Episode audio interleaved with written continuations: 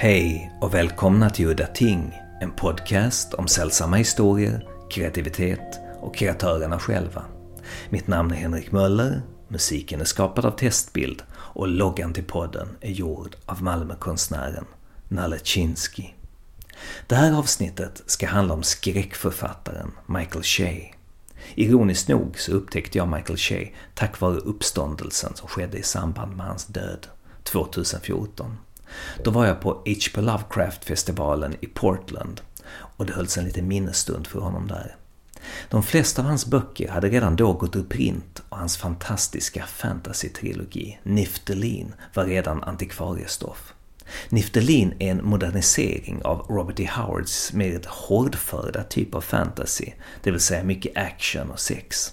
Niftelin är en sorts rogue som ritar kartor och antecknar utforskandet av platser som ingen annan vågar besöka. En typ av skräckfantasy skulle jag vilja kalla det. Minds of Behemoth är verkligen en favorit, där han ska försöka hämta hem saven från en spindeldrottning, men fastnar i en sorts helvetisk underjordsvärld.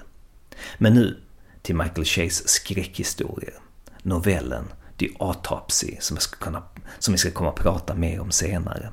Den handlar om en läkare som är döende i cancer som kommer till en liten stad för att försöka lösa en rad märkliga dödsfall. Och där stöter han på en av skräcklitteraturens läskigaste monster i en upplösning som saknar motstycke. Så har ni inte läst Autopsy, så skit nu i att slösa tid på att lyssna på det här avsnittet, utan bara stäng av och läs den med en gång. Den finns utgiven i flera antologier, där den första jag kan dra mig till minnes är Jeff och Anne Vandermeers Weird-samling som betar av de bästa historierna mellan 1900 och 2000. Michael Shea skrev flera noveller inspirerade av H.P. Lovecrafts mytologi, sammanställda och utgivna av S.T. Joshi i Copping Squid och senare i Demiurge-samlingen från 2018. Dagens gäster är författarna och nära vännerna Laird Barron och Mark Laidlaw samt den legendariske weirdforskaren S.T. Joshi. Och det är han som kommer börja berätta om sin kärlek till Shays historier. What I feel about Shay is that he has updated a lot of these conventional horror uh, images, even even Lovecraftian images uh, and and motifs. Um, he sets his work in the present day. Uh, or sometimes at least in, in, in the era that he knew the 60s and the 70s and the 80s uh, especially in san francisco uh, and and he provides a gritty realism uh, that is very hard to do i'll tell you lovecraft did it himself uh, in a very different way, of course, by setting his tales in the New England that he knew. Uh, but Shea does the same thing for for his uh, part of the world.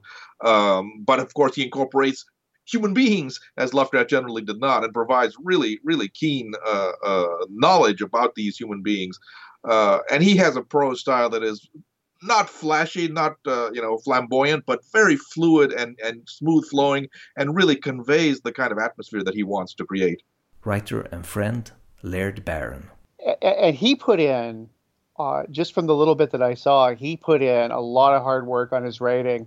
Uh, they live in this very beautiful uh, spot uh, with a lot of big trees around and stuff like that, and a nice and a nice house that was built long ago. Uh, so it's like in an older style, kind of like a '60s style house.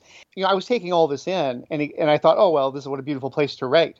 He's got these decks. You know, there's raccoons. There's always they usually had a dog. You know, and so there's just it's a beautiful spot. And of course, it's California, so the weather is nice most of the time, uh, and you could write outside if you wanted. And he goes, Nope, I'll show you where my writing spot is. And we went to the edge of his property, and there was, um, if I can describe this correctly, it's like a cargo container, like a box car. It wasn't a box car, but it's it, imagine a big corrugated metal box with a sliding with a with a, a sliding door on it, and it it had a power cable running into it, so it had power. But you go inside, no windows, it's pitch black until he turns on the fluorescent lamp, and he had uh, all these shelves of I think he kept some equipment in there, but also lots of files. That's why I say, you know, I, I'm not sure how much research he did, but I know he did some because he had stacks and stacks of magazines and old books, you know, textbooks and things like that in there.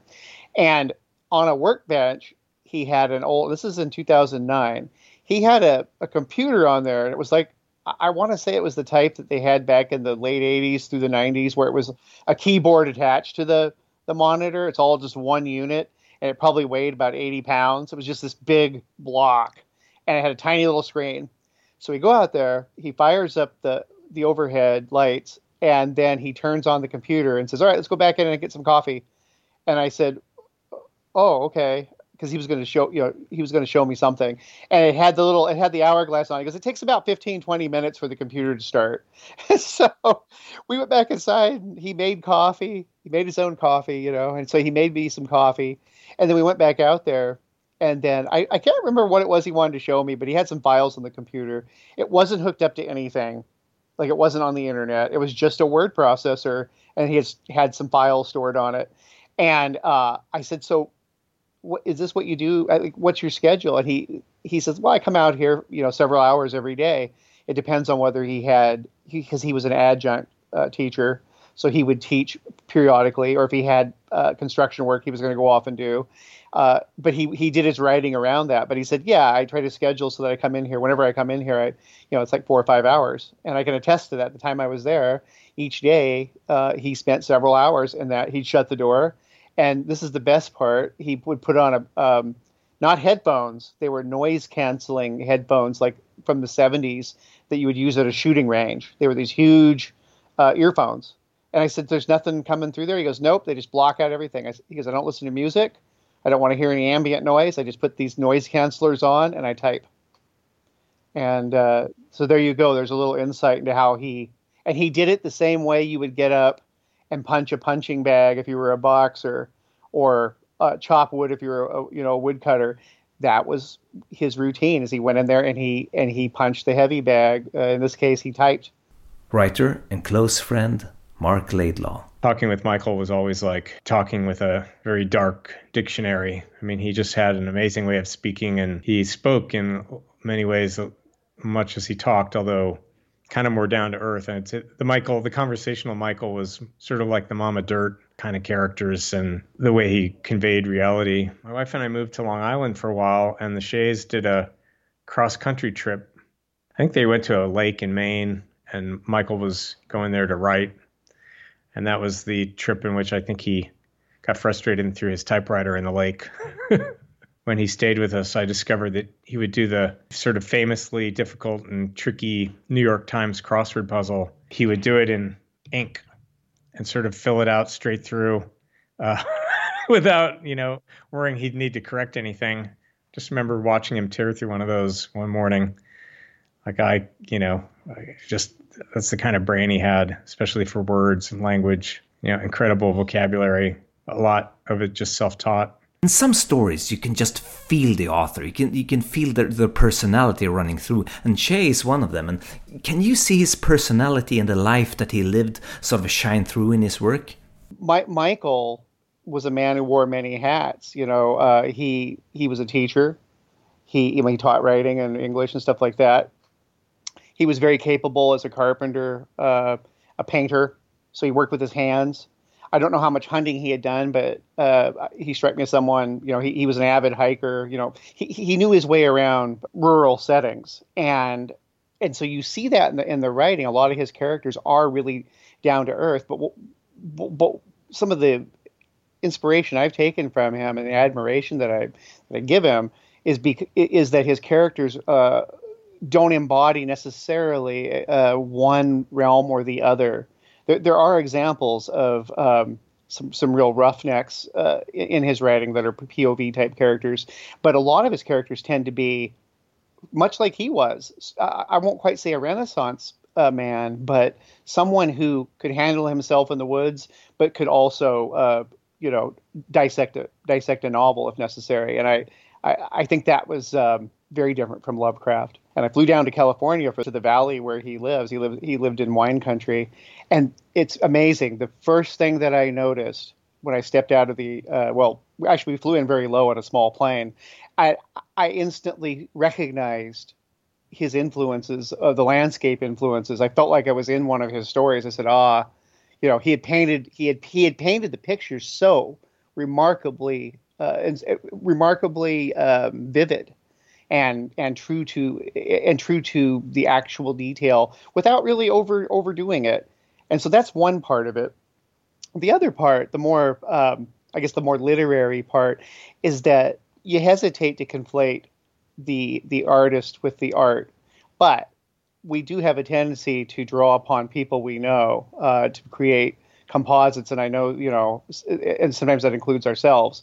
And there is a lot of Michael in some of his stories, like the Growlimb, for example, um, would be one. Uh, maybe I said the Fly, uh, his short novel, long novella, you know, and there's probably others if I start thinking about it in that way, where you can see that he uh, consciously or subconsciously you know he's the model for some of these loner type characters that run up against the forces of darkness. S.T. Joshi. I felt he was something of a throwback to the 1960s. I don't think he. Yeah, I think he was probably a a, a young man or a teenager uh, in the 1960s, and he felt very comfortable in that era. Uh, I was a little older than him, not that much older, about 12 years older, but uh, uh I too uh, remembered a lot of the 1960s because I had come to the United States in 63 and become uh, very aware of what was going on politically and socially in this country, uh, uh, the Vietnam War and everything like that. And I could see that Michael had been greatly influenced by those cultural trends also. Uh, and in many ways, he was uh, he retained a, a, a mindset that was stuck in that era. Marc Laidlaw. Well, he had a great imagination, but he also worked for a while as like a night clerk in one of those incredibly seedy San Francisco hotels where you had to have a gun at the desk at the at the front desk and so I'm sure he had experience with those people and I'm sure a lot of his urban horror that he was writing early on was kind of based on those uh, experiences in Los Angeles and San Francisco. He was not somebody who talked a lot about his past, but you had you got a sense that there was a lot of uh, you know rough stuff in it. So I that's one reason I found it his stuff believable. Like it did have a feeling of not necessarily lived through in the details, but he filtered everything through his imagination, and a lot of it probably had that believability because it came from some from life. But he also would, you know, he read he read very widely. I'm sure drew a lot of color and characters out of that reading.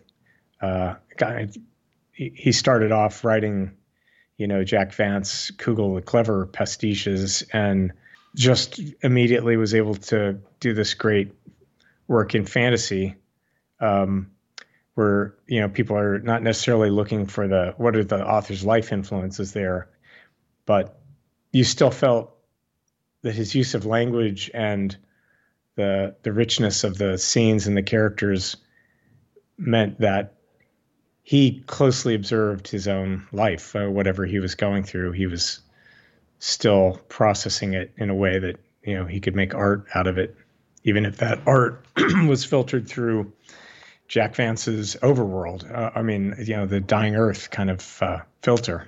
What's interesting if you compare Michael Shea's work to Lovecraft, Lovecraft's characters, when they come face to face with the Cthulhu mythos, they are sort of horrified and go insane. But Shea's character are described as witnessing a miracle uh, or an epiphany. We, we actually talked about his writing quite a bit. I don't know that he specifically ever elucidated, you know, or, or delineated exactly his philosophy about all of his stories, but he did have he did have some general behaviors and attitudes that I do see in his writing.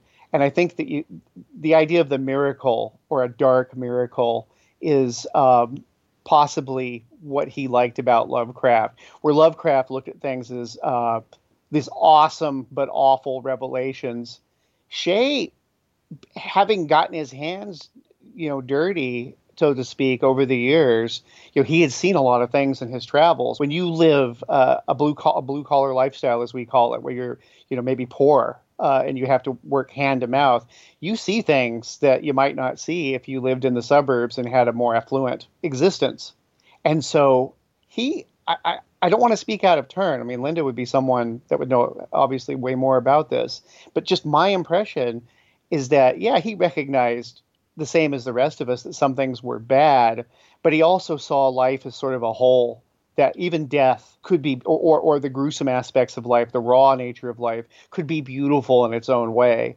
He one time described to me this b- beautiful yet horrifying description of something that had happened to a relative of his when he was a kid. The, the person had died. And I, I don't want to betray any confidence, so I won't go into details. But it obviously left a, a deep mark upon his his his psyche, and yet part of him, uh, acknowledge, you know, he acknowledged that there was sort of almost this beauty uh, in in this in this darkness, and it's something that you see over and over in, in his writing that his protagonist will recognize the awfulness. Uh, like say in the autopsy with, with the traveler, yeah, it's awful, but there's something miraculous and morbidly fascinating about encountering uh, something that's heretofore unknown to, to this to this doctor, this great mind. And I think Shea was always the kind of guy to flip over rocks. And yeah, there's something squirming under there, but wow, it's fascinating that this thing was living under there, uh, going about its business unknown to us. And so there was this this deep fascination that he exhibited with all aspects of life, not just the pleasant. It's interesting how he uses the Cthulhu mythos like an addiction sometimes, like like an addiction to a drug, like in Copping Squid. I don't know how much is public and how much isn't, but Michael uh, was was a recover, recovering alcoholic, and I think I think he had, you know, obviously experimented with other drugs and things. That appears in his work. You know, when, when we talked about it, uh, you know, we he didn't go into, into deep detail, but it was just something that he had lived through. When you know the years that I knew him, he was completely sober. He he smoked uh, a little bit. He called them smogs, uh, his cigar his cigarettes, which I thought was pretty was pretty endearing. So I didn't know him during the years where he had struggled with with alcohol and, and other things, but you do you see it you see it in his work. He's he has an intimate knowledge of what what that kind of uh, addiction will will do to you, what it how it shapes your mind, how it how it manipulates you, which kind of ties back into the last thing that you said, you know, about embracing the horror or not, or, or how Lovecraft's characters go insane. There are different modes of of insanity or, or aberrational uh, psychology. And the bottom line is one characteristic of a damaged mind is that the mind doesn't necessarily consciously recognize that it's damaged and that it may actually operate pretty much you know function normally except with these aber- with these aberrational uh, deviation or these deviations. And i think that's one thing that michael did brilliantly is his take on addiction and sanity insanity was more was very naturalistic. You don't necessarily know that your mind is broken. You think things are still you know you think that your exaggerated behavior is just you know oh, I'm having a bad day, or you may not even notice it.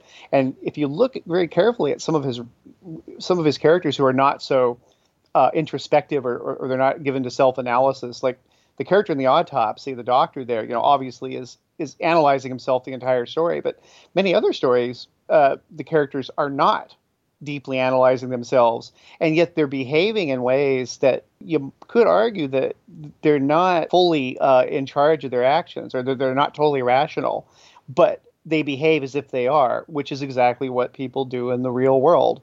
Very few people go, "Yeah, I'm, you know, I'm completely dysfunctional." That's that's if they're sober. That's if they're they're having a they're having a coherent day or a clear day a lot of times people have have all these deviations along a spectrum and do not acknowledge them except in rare moments. And I think Shea captured that, and the reason he captured it is because he had dealt with it. You know, and I and I'm certainly no no Shea scholar, but I you know I, I'm a, a devoted fan, and he was heavily influenced by a lot of the pulp authors. Um, back in the day. We, we had spoken of, and I, I, don't know how deep the appreciation goes, but obviously he was aware of of Leiber and Robert E. Howard and, and Edgar Rice Burroughs and that crowd. We had spoken of westerns. He had read, and we, so we had we had read a lot of the same stuff. You know, he's a generation or so bef- before me, but uh, I had tended to read the same a lot of the same uh, same material. I read the same material as my my grandparents, for example. But more specifically, I think, and I think if you if you go look if you go look at Jack Vance and how Jack Vance his style, his themes, some of his humor, he was a huge influence on on Shea, and uh, that was, I believe, Shea's first novel. As he back in the 70s, early 70s, he received permission from Jack Vance to do a Dying Earth uh, novel. I think that you'll see a lot of that Vance influence over the years, but obviously filtered through his own unique perspective. I mean, there's no confusing a Vance story and a Shea story, but you can definitely see that that that he um, you know really admired uh, the guy. Having started as a writer in the pre-computer age, I think he never felt uh, comfortable with computers. Uh, he still preferred to write on a typewriter uh, or by longhand. Um, and then I think somebody else or or uh, would have to type up the the stories on the computer. Uh, but he was a very tactile writer. He he needed to to get the pen down on paper um, uh, to to to start his mind going. I mean, we would talk a little bit about technical problems, and he was interested in writing on that level. He was a you know a poet, and I think he just loved words and sentences and playing with them that way. But we would talk more about how other writers did things. He was much more interested in talking. I, I think we all were. We'd rather talk about other books that we loved and were learning things from that instead of talking about our own stuff, unless it was just kind of griping about the industry. He loved Mitchell Smith he turned me on to some great books. Like uh, I think he probably got me introduced me to Charles Willeford too. A, a, a, kind of very Michael Shea sort of writer. I don't know. We probably talked about fantasy and science fiction less than we talked about crime novels and, and that kind of thing. I think that was like his escape reading. But as for his own work, I think you probably see it most clearly in the poetry, where he's really focusing on that task of choosing the right word and and the sound of the sentence and how they go together. And then the amazing thing is just how he used that that that, that skill set to build prose out of. And his stories are, you know, on a sentence by sentence level, his horror stories are just as good as they are on the, the macro level. He did everything very deliberately for effect, and he was a very careful writer. I know he took it incredibly seriously and would lock himself in his shed when he finally got one and just uh, you know, th- immerse himself in it. Do you have a thought on his reoccurring characters that sort of build a larger world in his stories? Like a minor character in one story can be the protagonist in another story? You know, I never really paid attention to that as much because he doesn't, the way that he does that kind of stuff, it's just, it's sort of almost, I won't say subliminal, but it's sort of in the, you know, it's kind of a background. It's not, it's not quite as overt as like Stephen King. Well, I think Stephen King actually does it in a similar way, and I'm wondering if maybe it has something to do with uh, admiring it in in, in King's work. Uh, the fact that little characters will be either mentioned or will will recur as more important characters. But the effect that it has is you're correct. It creates like almost like a real world it, it, which is also why I think it was really powerful that he set so many of his stories, you know, in, in California or on the West Coast, for example, because I think it you get really familiar with um, the areas, and you kind of almost feel like when you read a new, you know, a new Michael Shea story that you hadn't, you know, you hadn't read in the past. Ah, you're you're back. You're back into this. This is his area. Like I said, when I landed near his uh, near his place, I really I stopped thinking of about it as wine country. I was thinking about it as Michael Shea country. Do you know if he was a perfectionist in any way? Did he do many rewrites? When I read the autopsy, and I didn't know much about him, I just figured he had a medical background. So he he wrote that with a medical atlas at hand. At one, I mean, he told me at what point what edition it was with with transparencies and you know medical illustrations, and he did heavy research to get that right. I think that on that level, that sort of detail and stuff thrilled him. It would have been kind of hard for him to not try to capture the moment of transcendence and, and epiphany, as you say, in in words. That like that's something that would have really excited him. I think that people reading and encountering his horror stories, one of the things that that they liked was he wasn't going to do that thing where he looked away at the last minute. You knew when you were reading a Michael Shea story that you were going to get the full experience. You were going to see the thing through his eyes.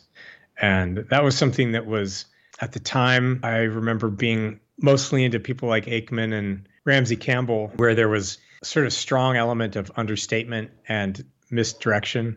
Like you would you'd realize only afterward that something horrible had happened or just at the moment you thought you were going to see something you'd see something different. So Michael's stuff stood in really strong contrast to that. I think in some ways, some of that style, a more British, uh, understated style, kind of baffled him because there were stories that I loved that I'd recommend to him, and he wouldn't be too impressed with them. It was just such a different thing than what he would look for.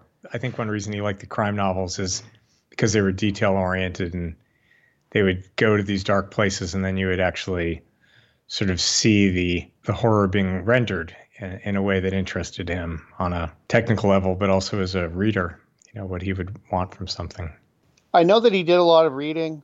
I know he looked into a lot of stuff, and I know that he, even by our standards, uh, somewhat of a perfectionist. He could write really quickly when he wanted to. He had the uh, mechanical ability to sit down and, and crank out a piece of work in a, in a rapid uh, order, but he wasn't always happy. Uh, and that was a real big part of his creating creative process is, you know, uh, this isn't good enough. I need to go back and, and look at it again. I, and I don't know if that was changing his overt mythos stories. I mean, he wrote a lot of mythos stories technically throughout his career, but sometime in the uh, 90s, late 90s, early aughts, like when we first started hanging out, he had talked about wanting to just take a bunch of monsters from or creatures from the Lovecraft mythos and just write stories about them and I don't so I don't know what level of rigor, you know, artistic rigor he was bringing to bear on those because he he was kind of chuckling about it in a way that he didn't chuckle about some of his other work, and so I don't know whether that was a, this is my super serious work or this is my commercial stuff or whatever, and I don't know quite how he felt about those except that he just chuckled and he recommended that I try doing it. One of the things that I've dwelt on is in the story, the autopsy, is if the doctor, uh, the cancer, the doctor has cancer, if the cancer has any deeper meaning, or if it's just there so we won't feel too bad about him, about his sacrifice, that he was dying and he was gonna die anyway. Speaking as an author uh, as well, uh, I think that we should, authors or creators in general, should take some credit for their subconscious because you are what you consume. Uh, and I don't know how many other things that he had going on in the story. I've, re- I've read the story many times, and I've always find something new in it. Uh, so there could be other themes or deeper meanings or, or, or uh, symbols attached. But yeah, I think I think you're 100% correct. The there's basically a parallel between this invasive creature, the traveler, and the, the cancer that is consuming him. And of course, the traveler acts in much the same way. And you know, it hijacks sapient life form and then manipulates it, eventually, you know, leaving it dead. It has a, a terrible, uh, debilitating or degenerative effect upon its its host. I think I think it was just sort of an you know an easy parallel. One, one thing about Michael is just that even though he's quite capable of working or was quite capable of working on many many levels, he was still very much you know from my conversations with him and and then evaluating his writing, he he didn't shy away from deeper uh, deeper meaning, but he also liked to, to wear a lot of his inspiration and a lot of the meaning uh, either on his sleeve or to be very to be very evident. So uh, I think what you see is what you get in, in a lot of ways. You said before that you reread the autopsy many, many times and found new things every time. Could you expand on that? I'm curious what uh, what you found. The the main thing that I I got from it, uh, obviously, you know, there's the there's surface stuff. Like the first time I ever read it, I didn't. I was just a kid. I just read it and was like horrified. But I, I think one of the deeper the deeper things I took from it, it became a big influence on me is is just the verisimilitude in his writing is, is you don't notice it right off the bat, but there actually are quite a few, even though it's it's mostly just uh, the doctor is um, you know in there with the with, with the corpses of the miners, but how how well Shea handles his minor characters, like how how he in just a few lines can make can can cause can create the illusion of life the miner, you know, who winked as he was walking out the door of the tavern, taking this one guy to his death. The um, the police officer, I can't remember if he was a sheriff or what, but the the, the main officer who's speaking with. Um, you know, who brought the doctor in? You know, just in a few lines, if if you like you know these people, and uh, there's just this deep sense of verisimilitude, but also just of life, like the the creature itself, uh, the barbed smile that it causes the the the dead miner to, to make like you, just just with a little just with little hints here and there uh, I realized what a magician he was. And that's really what I think for me bears the, the return scrutiny is less um, that there's some kind of hidden meaning, but more just the various techniques and how and that he deploys and how good he is at them. Because I thought, oh well, he wrote a lot about this one character, and I go back and there's only like three lines or four lines, and yet I had created this whole, you know, this whole almost like holographic image of this of, of, of this miner. And Shea was really, really good at that. And I, I don't know what to credit that to besides just his, his reading list. You know, I think a lot of the pulp authors were really good at, at, at painting a, an indelible picture in a few lines. Yeah, I mean, the autopsy really just, as time goes by, it looks even better. I, I kind of expected it to, I expected to read it and go, yeah, that was good, but not as good as I remember. Instead, the opposite happened. It was so much better than I remembered, and there was so much more going on. And he was, you know, for an early story of his, especially, uh, it was a masterpiece. Would you say that the Nifft the Lean books are sort of the main bulk of his work? It could, it, it would be pretty close because yeah, there is a lot of Nifft stuff, but it, it would, it would be, it would maybe be 50 50 or something like that. I've never, you know, I've never even thought about that. Um, but I will say that the Nifft, that is definitely his most Vancian, you know, Baroque dance. It's like this. It's and, and, of course, you know, it's always it never does. It's always a disservice to compare writers to other writers, but it, or I feel like I can see, of course, Vance, but also Michael Moorcock and Lovecraft in there, Clark Ashton Smith. It's like he took stuff that they had done and said, "All right, here's some of the, you know, there's sort of a template that they used." in the pulpy days, maybe even a little Fritz Leiber in there. But um, although I see, like I said, I see Fritz Leiber more in his urban, in his urban stuff, like in the touches of sardonic humor. But in that Nifft series, man, that is it's horrific, and I'm trying to think who else had done anything quite that like blatantly horrific in fantasy prior to that. I mean, I guess Moorcock is kind of nihilistic, but and, and definitely has his his Elric stuff could be arguably definite horror components. But this was just in a way to this day I'm not really sure you know who who else has done it quite like that.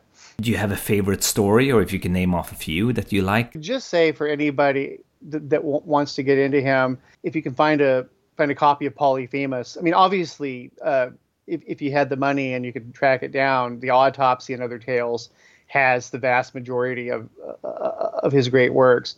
Uh, Copping Squid you can you can get a hold of, but I, but I think that's a much more of a narrow sample of his stuff, and not necessarily my favorite of his. So Polyphemus, I, if you can get a hold of Polyphemus, first of all, the title story is is one of the weirdest uh, science fiction horror stories you're going to come across. It's it's very uh, indicative of his of his genius and just his weird way his weird way of looking at things. And I don't want to give too much away, but basically a group a group of space travelers go to a planet and they come across a life form and kind of an adventure science fiction uh, horror story all rolled into one and also it just goes to show you you know he was so influenced by the classics which you see in his writing periodically but that collection that novella uh, the Angel of Death is what opens up the collection, and that's one of the, the most hilarious. That's another alien story. An alien comes to Earth and takes the form of the first person that it runs across, which in this case happens to be like a seven foot tall pimp wearing a cowboy hat and chaps and stuff. His ability to, to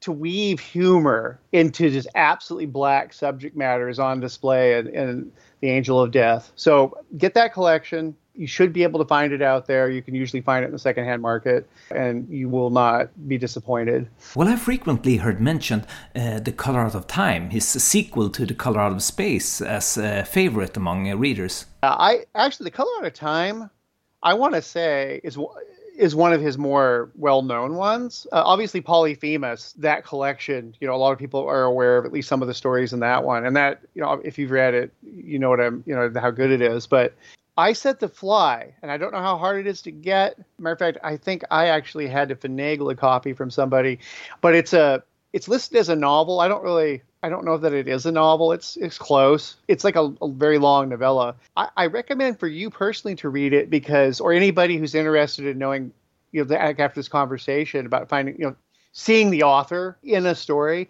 I really feel like it's not him in the story, but it's some ghost of him in that story, and it deals with the wilderness and, and the city, and it's. I think it has a lot of his preoccupations in one in one tale. I think you get more of a spectrum of what his concerns were than if you read his his famous story, the autopsy, which I still I mean I absolutely love that.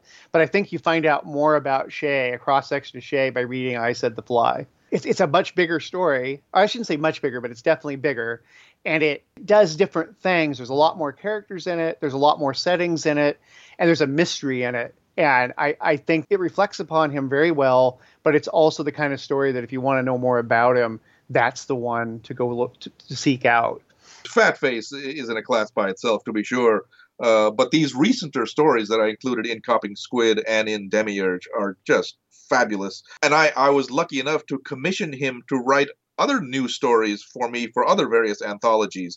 Uh, I did an anthology of uh, stories um, based on At the Mountains of Madness, uh, and Michael Roof for that uh, wrote the story called Beneath the Beardmore, which is a tremendous story uh, set in Antarctica. But I think Copping Squid is is to my mind one of his best. Uh, again, that sense of, of, of, realism of the gritty nature of that story uh, is is unmistakable and and and I don't know anybody else who could have written that story. The things I most miss are the novels. The A'rak, which is a Nifft story about giant spiders, and uh, the Mines of Behemoth, which you know Nifft goes to hell basically, and it's one of those things where if any other writer sends their character to hell, you figure you're going to get a kind of a grab bag of cliches of what an inferno is like. But this was more like he kind of turns into his own Hieronymus Bosch and just comes up with stuff that no one's ever come close to.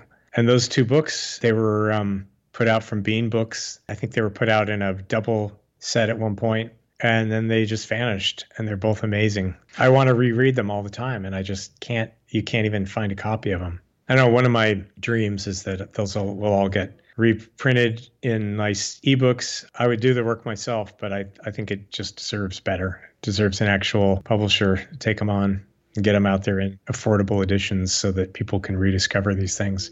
I mean, the the small press is great and collectible editions are great, but when a book comes out in like a couple hundred copies that are priced for collectors, then it's kind of doing the author's ability, you know, for their reputation to spread is is not really helped that much by that. Like what they really need is affordable editions that you can get easily. So give them to your friends and buy a bunch of copies and stuff like that. So that's what I would love for for Michael's work, especially the the Nifft books. Of course, like everybody else, I was horrified and appalled and saddened when when Michael Shea died. I mean, he was not old, seventy two, maybe I believe, maybe not even that, um, in 2014, and uh, it it just threw everybody for a for a shock and you know especially because i had just come you know a year or two earlier from seeing him in his in his lair you know and his lovely and, and talented wife linda um, so I kept in touch with Linda after that. Uh, and she wanted to pursue a number of projects, including Mr. Canny Harm, uh, and and and she had a great admiration for Michael's poetry, and she felt that Michael's poetry had not received uh, the credit and and recognition it deserved. So her first inclination was to assemble a volume of his poetry, both independent poetry and uh, also the poems that he apparently uh, included within uh, his various fictional works, uh, like uh, there are a number of poems in the Nifft the Lean series and, and elsewhere. I felt that was an intrinsically good idea, but as everybody knows, poetry doesn't sell very well. Uh, so we felt that a, a self standing book of his poetry probably wouldn't do terribly well. Uh, but then Linda found several short stories that had not been published or at least not been reprinted in, in, a long time. So we threw those in, and then at, at that point we said, "Hey, let's bring in some other people. Let's." Uh, Michael had a wide acquaintance with his uh, the weird fiction community. Let's let's see how uh, what they have to say about him, and and we garnered a number of fine tributes uh, by people like uh, Laird Barron and and uh, Wilum Pugmire, Marc Laidlaw. uh, Jason Brock, a number of other people who, who knew Michael actually far better than I did. Uh, so that's how that book came to be, and we called it "and uh, and Death Shall Have No Dominion." Is there something to be said about the way his work might have evolved towards the end of his life? He always seemed to um, have a great natural ability to do like stuff in the novelette or novella format. I think when a lot of us were writing short stories and Michael was doing these big, sort of weighty, longer stories, that was something that he was seemed really good at kind of from the outset. The like the autopsy is a good example of that. Like he got he started to get more out of the shorter form as he went along. He was still doing novels. It might just have been that time, the the fact that he was starting to teach full time and things like that. He just didn't have the same amount of time to to sink into fiction. But he might have also just been getting interested in the, the effects you can do with short story. But I remember kind of feeling that evolution was happening. He was going from doing longer pieces to shorter pieces. But don't really know what, what would have caused that. But you know, he was always kind of working on a novel one way or the other, or or a poem or something else. Sadly, he wasn't around long enough to feel like you could really see a career go through these changes that were easy to sum up in retrospect. He was trying. He would try things because he thought they he could sell them. The uh, extras books that he was doing, you know, at the end of his life seemed like they were something that were going to be more commercial for him, and he should pursue that so they have elements of science fiction and horror and uh, social, you know, social satire. I was kind of more curious to see once he pulled off that trilogy where where he would go afterward. Like once he committed to that, he was just going to do that for a while, channel a particular part of his his uh, talent to doing this sort of dystopian near future science fiction. Having learned that, my my thought was that he would probably go back to the things that he'd been doing earlier with with now sort of a new set of techniques. But uh, I don't really know. I know he has one more Nifft the Lean novel that has never been published. And I'm not sure to what extent he was working on that later or whether it was something he wrote earlier and set aside. There's one work, by the way, that hasn't been published yet, and it and it will be next spring. Uh, he had written an entire novel called Mr. Canny Harm, um, which, incredibly enough, is a novel that vastly expands on the story The Hound. Uh, that's a strange story to to to use as a springboard because The Hound is by Lovecraft is traditionally considered a, vastly overwritten piece, sort of flamboyant and uh, uh, out of control. But Shea took the kernel of that conception and you know made an entire novel out of it set in 1960s San Francisco. And the characters are so incredibly vivid and the pacing of that novel is is is is superb uh, and I will be delighted to get that into print uh, next spring. And finally, towards the end of the interview, I asked S.T. Joshi about other modern authors that uh, sort of updated Lovecraft, updated the mythos, and he uh, had some very interesting examples of authors and stories that I had never heard about. I am surprised that over the last 10, 20 years, a number of really fine novels uh, of the mythos have been written. It's a hard thing to do to write a whole novel based on the Cthulhu mythos. Lovecraft never really did it himself because he he really didn't write novels. He wrote sh- some short novels like At the Mountains of Madness, uh, but full scale novels uh, very hard to pull off. Uh, but a few people have done it. In my estimation, the best single novel ever written on the mythos is Jonathan Thomas's The Color Over Occam. Uh, published in 2012. Unfortunately, it was in a, published in a very limited edition uh, and hasn't really gotten the distribution that it deserves. But it is a superb piece, and that is a magnificent extension or expansion of of uh, the color out of space, set in present day Arkham, which has has renamed itself Occam uh, for reasons you'll have you'll have to read the book to figure out why that happened. But uh, Jonathan Thomas, who lives in Providence and has lived his whole life practically in Providence, uh, aside from some years in New York, just like Lovecraft, is very funny how his life parallels Lovecraft's. Um, he has written many, many great mythos stories. In fact, the Centipede Press is going to publish a big uh, omnibus of his uh, shorter mythos writings pretty soon. William Browning Spencer wrote a fine novel called Resume with Monsters. I think that dates to around 1995. I can't quite remember, uh, but that is an incredibly imaginative take on on the mythos.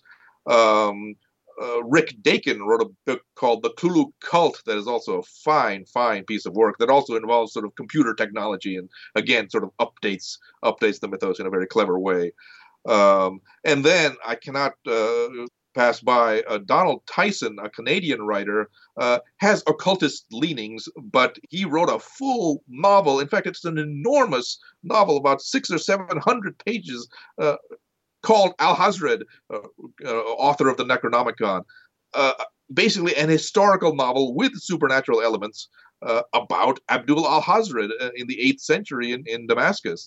A tremendous feat of the imagination, well worth reading. I mean, it doesn't feel like a 600 page book. It reads very well and very fast, and, and it's extremely compelling. Ja, det var allt för den här gången. Mitt namn var Henrik Möller. Musiken skapad av Testbild. Hej då!